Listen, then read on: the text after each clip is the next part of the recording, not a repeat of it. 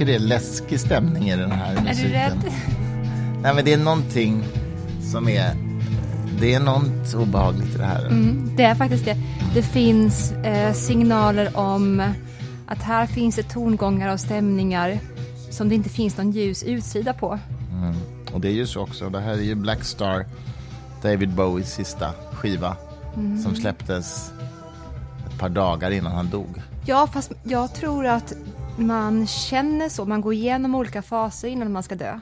Mm. Och då är man i en fas som är nog väldigt väl eh, representerad utav den här musiken. Ja, det är Men, sant. men förhoppningsvis så kanske du inte dör när du är i den fasen. Ja, det får man verkligen hoppas. En sak som jag har tänkt, apropå det här med faser, vi ska komma tillbaka till Bowie och sådär. Det är att ehm, alla känslor och stämningar som angriper psyket signalerar för en att den här stämningen du just nu ägs och rids utav kommer vara för evigt. Och det är väldigt, väldigt märkligt.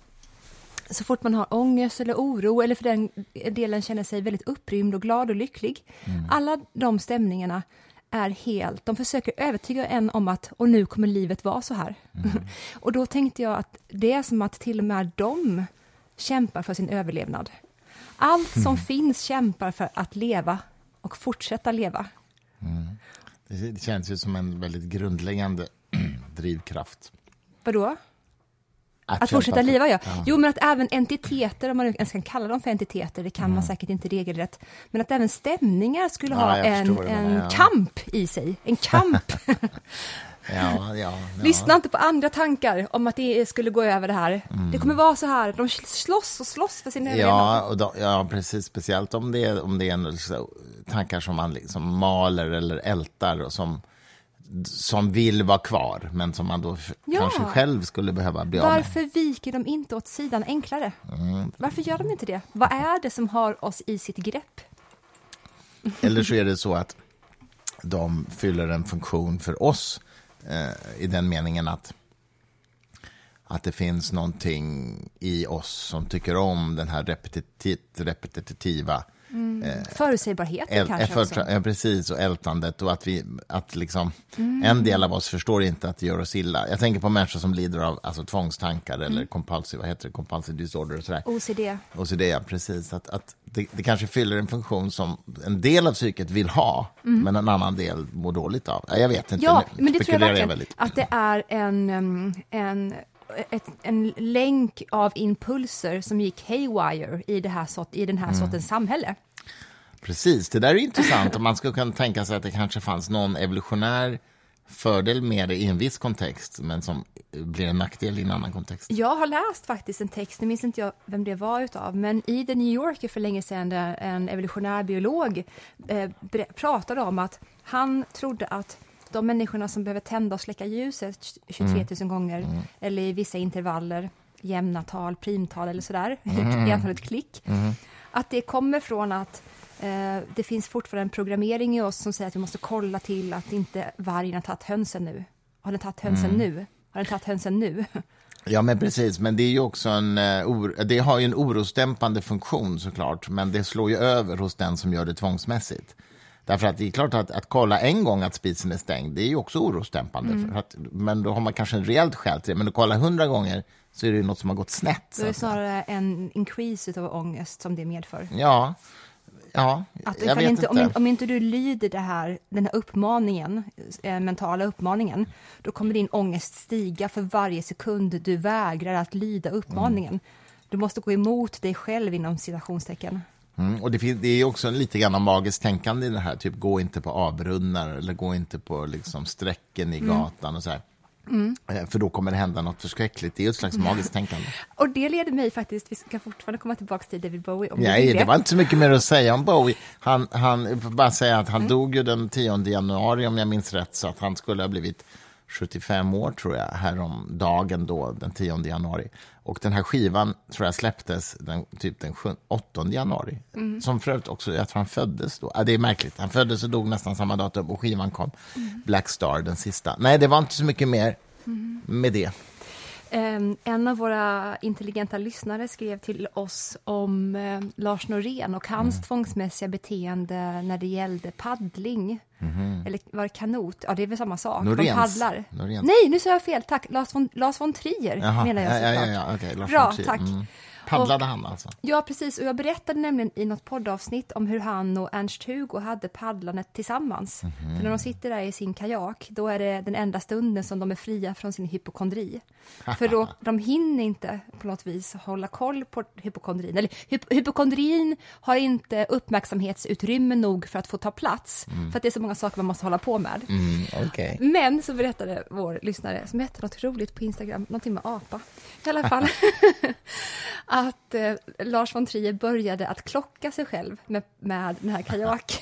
Och då så var han tvungen att sluta helt att paddla kajak till slut för att ifall han inte slog sin förra tid, då betydde det att han hade cancer. Nej, men. Nej. Så att om han slog sin förra tid, fri från cancer, om han inte slog den, cancer. Nej, vad hemskt. Jag vet, men man får skratta åt sånt som är, som är hemskt också. Ja, det får man. Stackars- Får man bara säga skål nu? Hallå, det är faktiskt Skål älskling. Kommer du ihåg hörde du vad jag sa till dig nyss innan vi började podda?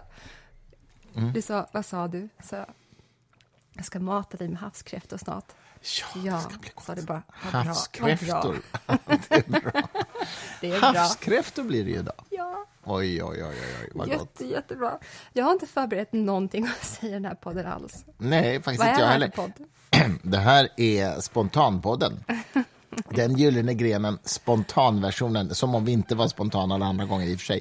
Nej, så det höll ju inte. Nej, det är verkligen sant. Men, men, men, men vi kan väl åtminstone berätta en sak, nämligen att nu är ju biljetterna släppta till vår live talkshow, Den gyllene grenen, samma Mm. namn som podden alltså, på, som är på Cirkus Mm. under våren, och den, alltså Cirkus på Djurgården i Stockholm. Och första datumet är ju 12 februari. Mm. Och de biljetterna är nu släppta, det hittar ni på Facebook och lite överallt, men, eller cirkus.se. Men det är jättekul. Ja, jag fick en idé nu. Mhm. Ska inte ni som lyssnar eh, ge bort det här i alla hjärtans dag-present till er älskling? För det är väl 14? Att komma på vår podd. Ja, precis. Det är väl 14 februari som är alla hjärtans dag. Det kanske det. Och jag tycker att det här är nära nog för att man ska kunna få göra det till en, en kärleksstund. För det här är ju en söndag eftermiddag faktiskt, eh, som vi kör där. Mm. Jag Och- vet och, Mm. att folk bor i massa ställen i landet. Jag är inte helt Stockholmsskadad och tror att hela Sverige befinner sig i Stockholm. Ta tåget. Eh, Sov en natt på Hasselbacken. Mm. Kom och lyssna på oss. Åk hem på måndag morgon tidigt eller ta ledigt. det, Gör det till en weekend. det är en jättebra idé. Och grejen är att man kan alltså antingen köpa ganska billiga barbiljetter eh, För 100 kronor. Vi kan Ja, säga precis. priset. Och sen finns det ju, det här är ju Cirkus som håller på med biljetterna, så det, vi är inte inblandade i det. Men, Mm. men eh, man kan köpa så att jag middagsbiljett också. Då äter man... 435. Vilken koll du har Ja. på biljett, alltså. Jag, jag, Alltså, eller, jag, jag menar det i största allmänhet. Var det det du Ja. menade? Ja. Att du bara kom att tänka på Att du har sån vilken koll. jävla överblick hon har ändå, Victoria. Över Hon är- liksom historien och samhället och vetenskapen och filosofin och tänkte på konsten. något Och, helt annat och sen bara, ja men hon måste ju vara den mest omdömesgilla människan jag har träffat. Vilken koll du har! nej, skämt åsido, det var faktiskt Sa du biljetterna. skämt och slidor? Skämt Sa du det? Men hörru, skärp dig nu. Skärp dig nu. Man kan i alla fall äta middag samtidigt som man lyssnar på oss på Cirkus. Det är så synd att inte ni får se hans ansikte. Du är så gullig. Jag vill bara mosa ditt ansikte. Ska vi berätta vad det handlar om första gången? Just det, förlåt. Måste, bli- vad- måste Gud, styra vad- upp dig sluta, lite Du måste här. vara lite mer seriösa. Ja, precis. Jättepinsamt. Mm, exakt. Mm. Nu dricker jag lite här. Berätta, vad handlar det om då? Vi ska, pra- vi ska inleda den gyllene grenen som eh, live-format med ondska och godhet. Mm. Så att vi börjar lite smått, kan man säga, och sen så stegrar vi efter det. Vi Precis. ska då eh, experimentera samtalsmässigt och eh, tänka i realtid inför publik kring ifall ondska är någonting som man snarare civiliserar bort eller ifall det är snarare så att godhet är någonting som man måste tukta människan till. Eller... Och, vad, och vad är liksom biologiskt, vad är metafysiskt, vad är, vad är essens eh, i detta? Är, det något, är ondska något metafysiskt? Är godhet något me- metafysiskt? Vad finns det för olika tankströmmar som har lett fram till de här olika kategorierna utav slut egentligen. Och vilka psykologiska mekanismer är det som vi människor har som kan få människor som vi i alla fall får förmoda är goda i den meningen att de inte är psykopater eller liksom hjärnskadade, att ändå begå onda handlingar. Mm, precis. Det, det är ju intressant, för en sak är ju om en människa de facto har en hjärnskada som gör att man liksom inte har några spärrar och sådär. Det finns ju sådana hjärntumörer till exempel som kan göra en människa väldigt våldsam. Men om det, om, man, om det är en människa som är så att säga, normal i alla de avseendena så kan man ändå förmås göra ganska onda saker. Det finns ju psykologiexperiment som visar det. Och vad säger det då om den människan? Den kanske har blivit ond på grund av sin hjärnskada. Det kanske, kanske är naturen så obönhörligt um, olyhörd inför um, hur vi önskar att saker och ting ska vara. Så att det kanske är så att vi har blivit onda varelser på grund av en fysiskt tillkortakommande. Du menar i de fall som det faktiskt är en hjärnskada? Ja, ja. just det. Ja, ja precis. Men, men, men det är också intressant att människor som inte har någon skada ändå kan förmås begå väldigt onda Ja, ja och, det, och det är en annan sak. Precis. menar alltså, ja, precis. precis. Men Och båda så- är intressanta så, såklart. och, och ska vi prata om objektiv moral såklart, och så ska vi såklart komma in på lite kontinentalfilosofi och gå igenom, eh, finns det egentligen några un, onda handlingar eller är allt bara kontext och kontext och återigen kontext? Just det. Eller är ondska bara frånvaron av godhet? Mm, precis, eller och tvärtom. Det kan man diskutera. godhet bara från, det är lite mörkare utgångsläge det. Precis. Mm. Jag, brukar ju, jag har ju ställt frågan till vissa människor jag stött på genom åren som, från en religiös kontext som ju säger att ondska finns därför att Gud gav människan en fri vilja och där, därmed inte kan förhindra att människor begår onda handlingar. Men Gud är god i sig, så att säga, och allsmäktig. Och, så här. och då tänker jag så här, men så skulle det kunna vara rent teoretiskt, men det skulle också kunna vara tvärtom, att man har en helt genom ond gud som har gett människan fri vilja, så att den här guden kan inte förhindra att vi är goda ibland, för att vi har en fri vilja. Det, det är som en spegelbild av hypotesen, så att säga. Och jag kan inte se varför den ena är mer sannolik än den andra, men det tycker de Ja, aldrig. Man kanske inte behöver välja ens om man skulle, Nej. tro det eller gå det jungianska hållet och morfa honom med Meister Eckhart. Skulle Jung säga att Gud är hälften god och hälften ond, Mm. därför att allting som eh, är en del av formsfären är uppdelat Mm. i en dualism. Så skulle det kunna vara, men Mm. så, så säger ju många religiösa inte, utan de säger ju att Gud är god. Precis, men vad både Jung och Meister Eckhart menar, Mm. det är att det finns någonting till och med bakom Gud. Ja, just det. Okay. Ja, det, det, är en intressant, shit. det är en intressant hypotes. Men, men för mig är det fortfarande, de är mig svaret skyldiga, de som tror att Gud är helt god, De är mig svaret skyldig. men, men har gett oss fri vilja. De har än så länge inte förklarat varför den hypotesen är mer sannolik än spegelbilden, nämligen att Gud är helt ond. Men Det är bara att de inte känner att det är så. Ja, just det. Man går på känsla, vet du. Nej men snälla.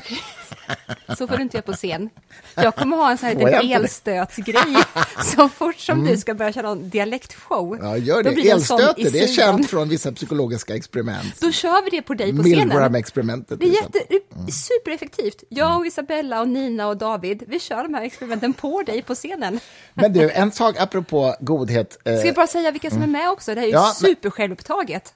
Att vi bara tagit upp vilka Ja, vi ska vara med. Ja, nej, men det är klart. David Turfjell, han är religionshistoriker, Ja, precis. Mm. professor i religionsvetenskap. Ja, religionshistoria möjligen, tror jag det är, om man ska vara formell. Mm. Precis, och sen så är det Isabella Lundgren som är vår Artist, närmsta vän och jazzsångerska. Och sen så är det Nina Hemmingsson som är eh, konstnär och författare. Mm.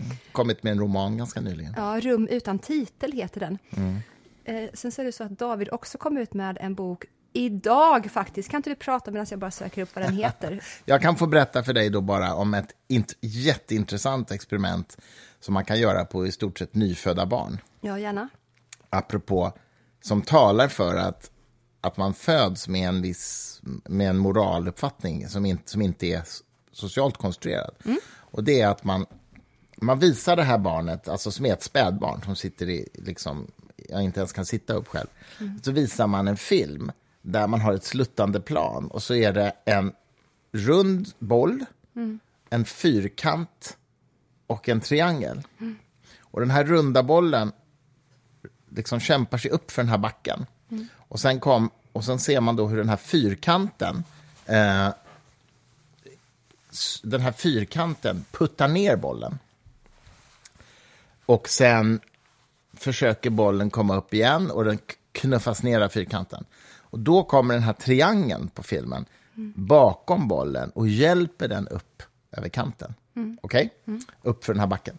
Och sen tar man fram eh, framför det här barnet en, två klossar, en fyrkantig och en, och en, en, eh, triangel. Och så får barnet välja vilken den vill leka med eller ta i. Ja. Och då väljer barnet triangeln. Ja. Det vill säga den som hjälpte bollen upp inte mm. den som knuffade ner bollen. Så barnet ja. väljer den goda fint. symbolen. Men visst är det fascinerande? Ja. För att det är innan man har kunnat socialiseras in till ett Heja människan ändå. moraliskt beteende. Eh, Medfött. Ja, när man pratar om, det finns det en fransk barnpsykolog eh, som jag brukar ta upp ibland oftast i den, här, i den här podden, men mest på middagar. Mm. Glömmer alltid bort vad han heter. Men han har gjort många, skrivit många böcker om det här med rough and tumble play. Mm. Hur barn... Piaget, eller? Ja, tack ja, snälla! Mm. Jag bara chansa lite. Det var det också! Ja, ja, ja det, är bra, det är bra. Och när djur, på samma sätt som, ja, inte alla sorters djur, utan då är det ju schimpanser mm. och små barn, ska interagera med varandra i grupp, mm. mm. då är det så att det barnet som leker för hårdhänt mm. blir tillrättavisat. Och ifall den ändå fortsätter att leka för, ändå för hård, hårdhänt, då mm. blir den utesluten ur gruppen. Mm. Så den sätts på paus. Mm. Och det är likadant med råttor faktiskt, absolut nog. Även de har rough and tumble play. Mm. Och det är för att de ska utveckla på samma vis som människan behöver. Var går gränsen för vad jag kan göra med dig? Mm. När säger du stopp? Mm. Och den gränssättningen tar vi med oss sen på nästa nivå av rough and tumble play, som då blir mer och mer avancerad och sofistikerad. Och då skulle man kunna säga, ja det är såklart så för att enligt evolutionen eh, behöver ju att vi på gruppnivå kan samarbeta. Mm. Och ifall någon bara går mayhem och bärsärk mm. mm. inom gruppen, då, då, är ju det en loose cannon och ja. den måste vi utesluta. Ja. Så är det ju. Men man skulle kunna också säga att ja, men evolutionen skulle faktiskt kunna belöna fortlevnad för arter som också alla bara är nu härskar jag med hjälp utav eh, skräck mm. i den här gruppen. Mm. Mm. Om inte alla ni gör som jag säger, då kommer jag använda min fysiska muskelstyrka mm. Mm. för att få er på knä. Och nu mm. ska alla ni lyda mig och använda sig utav mig som är ledare. Eh, men så är det inte, utan det är snarare så att de individer som eh, lyckas bäst, som även eh, chefer tror jag, och de som lyckas få många människor med sig, det är sådana som inte är, är superburdusa eller eh, vad ska man säga, mobbare i grund och botten. Mm. Nej, men det, det är de som, kan hantera, de som kan hantera rough and tumble play mm. på alla de avancerade nivåerna. Och jag får bara säga en sak mm. till om detta. Eh, för det är ju något, på något vis att det är en postmodern analys kontra en, ja, en icke-postmodern mm. analys. Att all eh, makt i grund och botten i samhället vilar på att någon bara vill härska mm. och att någon vill förbruka resurser och att någon vill använda sig av människor för sin egen nyttas skull. Jag tror inte att vi i grund och botten är formade och skapade på det sättet. Nu låter jag som en, en neo-Jordan B. Peterson.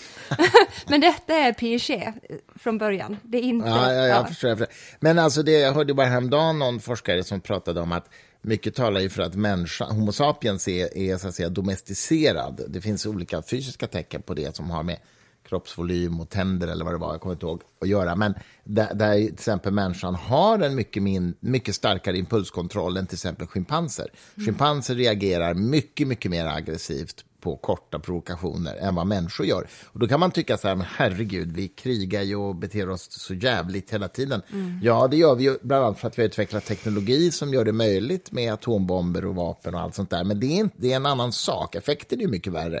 Men vi har ändå mycket bättre impulskontroll i genomsnitt alltså, än vad till exempel schimpanser har. Alltså man tänker på vad vi innebos av för sorts eh, impulser och krafter. Mm så är det inte klokt att det inte är gatuupplopp varje dag Nej, utanför fönstret. Ja, ja. men vi är vi, alltså vi, inte ganska bra på impulskontroll. vi skallar inte folk hela tiden. Ja, in, de flesta av oss gör inte det i alla fall. Men, ja, alltså, inga namn, men okej. Okay. Blink, blink. Nej, men istället, för, istället för att säga att ja, det är så, och människan krigar och sådär. Nej, alla borde bara vara jätteförvånade hela tiden över att det inte är krig överallt, konstant, hela mm, tiden. Mm, mm. Det är det sjukaste att det inte är det. Det är för att vi är domesticerade, skulle i alla fall den forskaren säga. Så läskigt att du använder det ordet, för det låter som att någon har haft oss som husdjur. Ja, men jag troligen kan man själv domesticera, så att säga. Jag vet inte. Man kan själv... Man, jag menar alltså, alltså att, vi, som, som att vi formar kan... samhällen eller liksom grupper, att vi domesticerar oss. Eh, det, det är ingen annan som har gjort det, obviously. Nej. Det är inte neandertalarna som har eh, domesticerat oss. eh, eh, onekligen. Det vore så himla spännande om man upptäckte en människa som har ägt oss tidigare och att de bara Det hade ut. varit kul. Eller några sådana som Erich von Däniken sa, några rymd-aliens som kom hit och byggde pyramiderna. Och, och sen, eh, ja, ja, ja. Du det vet- där är bara hittepå. Du vet såklart. varför em, man till en början fick vatten på sin kvarn att pyramiderna byggdes av aliens? Nej? Därför, jag kanske har sagt det tidigare, att Akhenaton, eller Akhenaton, hade en sån skelettsjukdom som gjorde att hans bakhuvud var extra stort som ett ägg. Just det, just och det. Mm. att hans höftparti var väldigt framskjutet och brett. Och de avbildningarna som finns av honom eh, ser ut så som han såg ut. Och det gör att han och hans barn som han fick, som hade samma sjukdom, såg ut som aliens.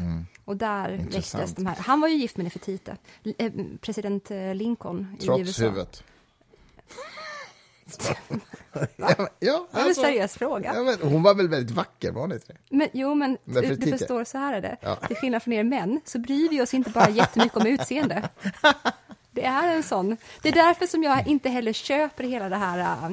eh, vad heter de männen som man kallar för något som inte kan få någon kvinna? Vad heter det? Incels? Inse, det finns inte. Nej. Det finns inte. De har bara för höga förväntningar? Ja. ja. Okej. Vi kvinnor, Okej, är, de, vi kvinnor är de bästa vad det gäller att hitta ett motsatt kön, vilket annat skulle det vara, att bli ihop med, för att vi bryr oss inte bara om hur ni ser ut. Nej. Det är ni som gör det. Herregud vilka kvinnor ni män har varit ihop med. Men det, jag måste gå tillbaka bara lite till det här med vår, vår eh, inbyggda rättvisekänsla. Du har hört talas om det här berömt psykologiexperiment som kallas för the ultimatum game. Där man låter, men det har jag inte berättat om i podden, Nej. tror jag, så jag måste göra det, för jag tycker det är så, kul. Alltså, det, man har en försöksperson, eller två försökspersoner menar jag, som försöksledare, och så får de här två försökspersonerna spela något slags spel där den ena vinner och den andra förlorar. Det spelar ingen roll vad det var, det kan vara kortspel eller ordlek eller vad fan som helst. Men det är en som vinner och en som förlorar. Och sen säger försöksledaren så här, okej, du som vann nu, du får 1000 dollar här i vinst, men under ett villkor. Du måste ge bort en del av de pengarna till han eller hon som förlorade. Och du får själv välja hur stor del du vill ge bort av din, din vinst. Men om den personen tackar ja till det, då delar ni så som du har erbjudit. Men om den personen, förloraren alltså, tackar nej till sin del, då måste du lämna tillbaka pengarna till mig, säger försöksledaren. Då får du inga pengar alls. Och det första man ska fråga sig då, vad är det rationellt för förloraren att tacka ja till? Hur stor del? Jo, det är naturligtvis rationellt att tacka ja till vad som helst, för Ja. att det är ju mer än ingenting, så att säga. Va? Men det gör inte människor, utan gränsen går vid ungefär 20 procent. Om erbjudandet är lägre än 20 procent av vinsten, och det här har gjorts då i massa olika, förstås, med massa olika människor, så du får ett statistiskt genomsnitt. Om, om erbjudandet är sämre än 20 procent av originalbeloppet, då tackar man nej. Och det tolkas då av psykologerna som att trots att jag själv förlorar på det så tackar jag nej för att straffa det här alltför egoistiska beteendet. För det är någonting vi inte vill ha i gruppen. Och på vilket sätt vore inte det rationellt? Jo, det är rationellt i en annan mening. Jag borde ha varit tydligare och sagt vad är rationellt att tacka ja till ur ett strikt så att säga, Ekonomiskt ekonomiskt perspektiv. perspektiv. Ja, det. Okej. Men det, det, det kan naturligtvis vara rationellt på ett annat sätt att straffa ett Mm. Ja, egoistiskt beteende för gruppens överlevnad. Ja, verkligen. Annars- Och man brukar skoja och säga att de enda som spelar det här rationellt ekonomiskt, det är schimpanser och nationalekonomer. Mm. Och nazister, tror jag skulle säga. Ja, säkert nazister också. Men, eh, ja, Och att- nationalekonomer, det är bra. schimpanser och nationalekonomer. Ja, Jätteroligt. precis. och apropå det så tänkte jag faktiskt nu på Adam Smith när du berättade det här. Därför att han Den räknade ju... osynliga handen. Ja, just det. Mm. Precis. Hur ofta drog han det skämtet mot kvinnor, tror du? Det var den osynliga handen som var framme. Usch. Förlåt. Nej, nu får du Han faktiskt ja, jag, skärpa dig. jag tillbaka det. Han bodde med sin mamma hela sitt liv. På något litet konstigt... Gjorde han det? Ja, ja. Var han en incel? Ja, alltså förlåt. Mm. Det var, måste han ju varit då, för att på den tiden så kunde han... Alltså som man med lite pengar, då kunde man ju få vem man ville. Och ifall till och med den på bottenskrapet av samhället säger nej till en, Nej, men gud. då är man ju faktiskt officiellt en incel. Ja, ja, Eller hur? någonting åt det hållet i alla fall. men han tog ju inte alls hänsyn till att vi som människor inte är ekonomiskt rationella bara, för att han trodde ju att alla de pengarna som vi tjänar in från våra företag kommer vi återinvestera i andra Mm. företag. Han förstod inte att vi har en djup djurisk impuls som är att vi ska spara, hårda så mycket som möjligt, som en jävla Mm. ekorre över vintern. Så vi sparar och lägger på hög och sen dör vi. Mm. Och de pengarna bara kommer aldrig tillbaka in i samhället igen. För då kommer nya barn som ärver dem och de bara hårdar på som jävla galningar. Det är väldigt konstigt beteende egentligen. Hoarding. Ja. Ja, det är det. Jätteobehagligt faktiskt. Det finns ju en eh, radikal, vad ska vi säga, radikal marxistisk idé faktiskt, och som somliga filosofer har, som säger att man inte borde få ärva överhuvudtaget. Att eh, varje människa ska börja från scratch.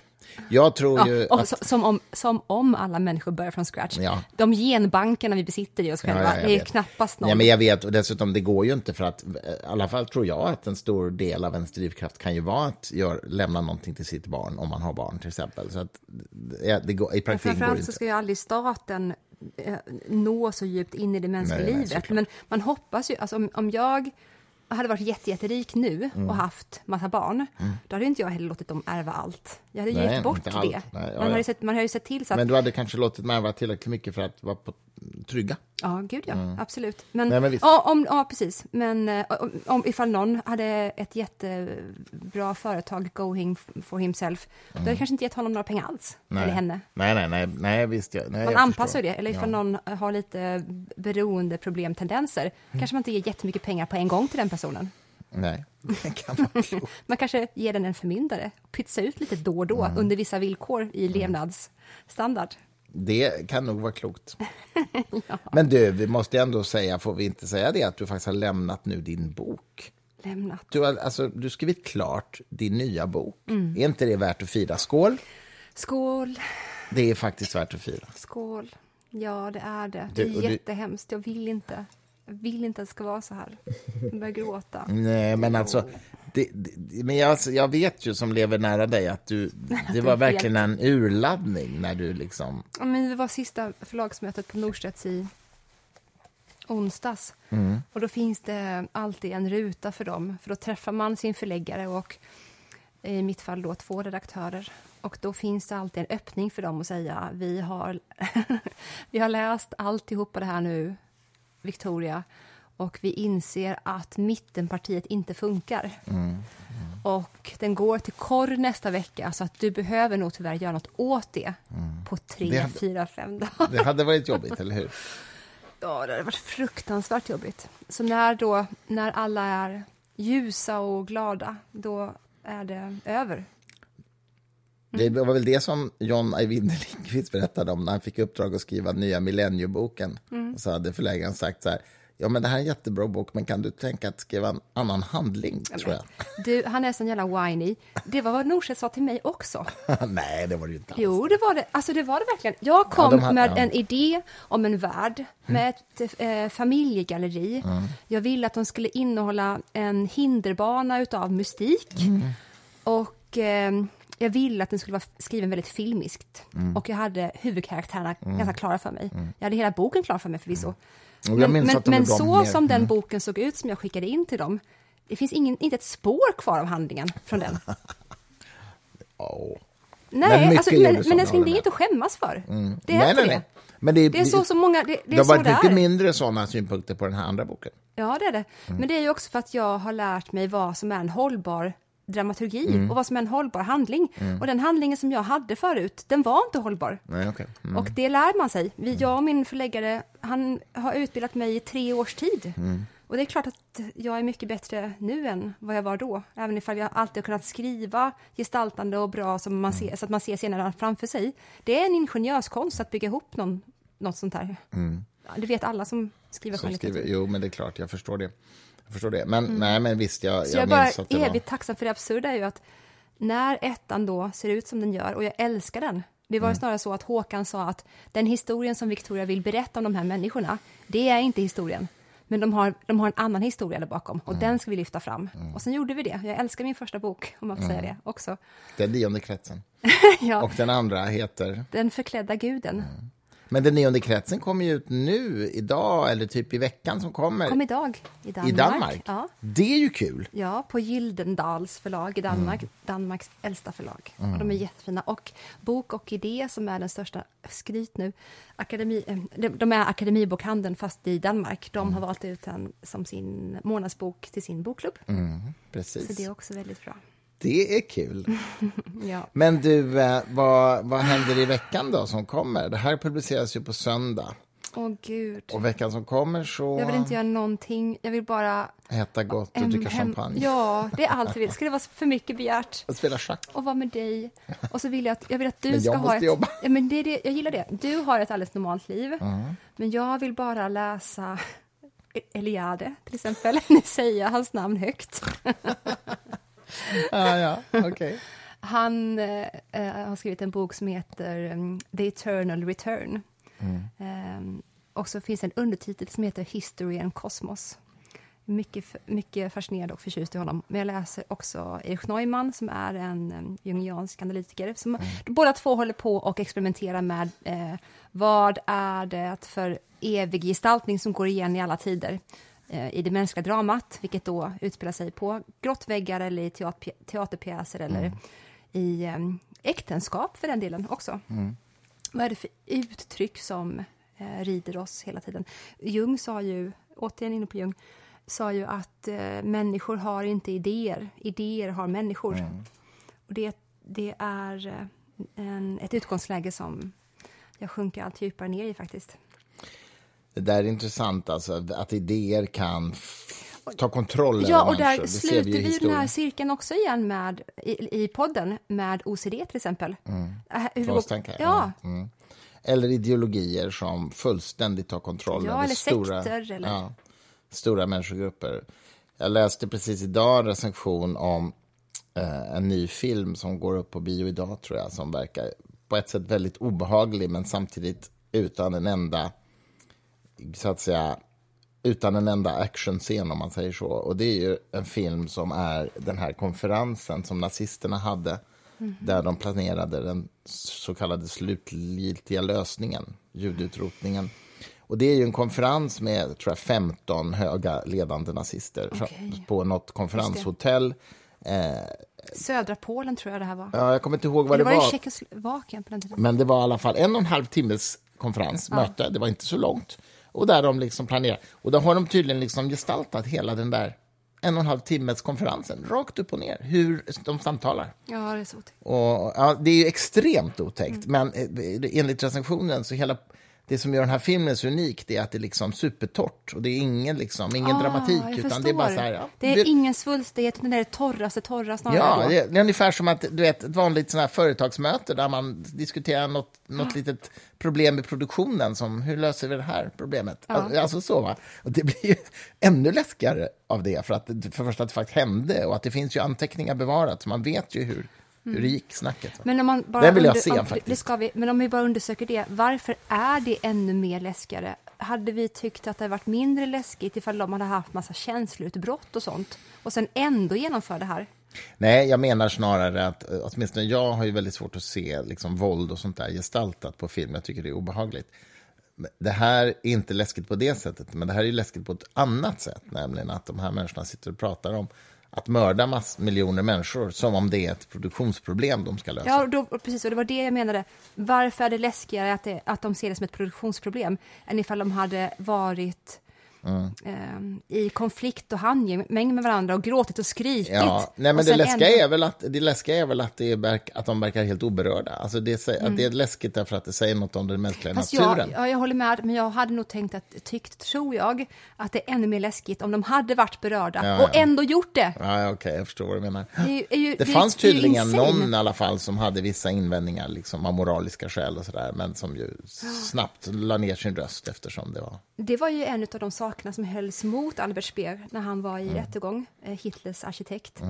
Att du som var så högt upp i partitoppen måste väl ändå ha hört om det här mötet? De var ändå över ett dussin närvarande. Du hade kontakt och var god vän med alla dem som var där. Och du påstår fortfarande att du inte kände till den slutgiltiga lösningen. Men han, han höll i. Under hela livet höll han i att han inte...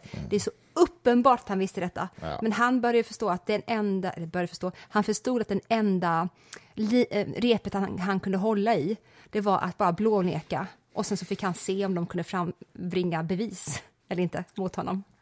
Och det kunde de ju inte. Nej, Nej. Det var, fanns bara rimlighetskalkyler eh, Nej just det. Mm. kalkyler att göra Det är svårt honom. att bevisa så att säga, frånvaron av kunskap.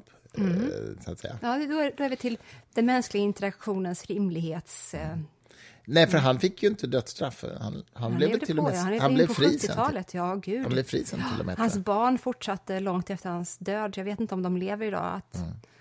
var helt, och det kanske är en mekanism som man gör med, som barn, att, ehm, Mm. att pappa var helt oskyldig. Ja, man vill nog tro det i alla fall. Ja, det är inte, mm, det vill man nog, det är inte bra. Du, ska vi gå upp och göra lite Ska jag kräftor? mata dit på riktigt? inte kräftkräftor, vad heter det? Ja, det beror på. Jag vet inte vad du köpte. Havskräftor? Havskräftor, ja, just det. Med ska- vitlök, eller? Ja, ja, gud ja. Oerhört gott.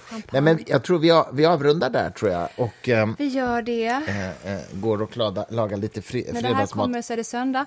Gå in på eh, Cirkus hemsida och boka en biljett. Kom och se oss. 12 februari är första tillfället och sen är den 17 mars andra tillfället. Men det blir mer information om det sen. Det blir det. Men det vi kan kommer- väl bara säga att det kommer handla om AI och konst, bland annat. AI och konst. Och medvetande fan- filosofi. Ja, medvetande filosofi och konst Och AI. och AI. Så att det blir en, en, eh, ett fyrverkeri av spännande människor. Vi avslutar med lite Ha en jättehärlig söndag.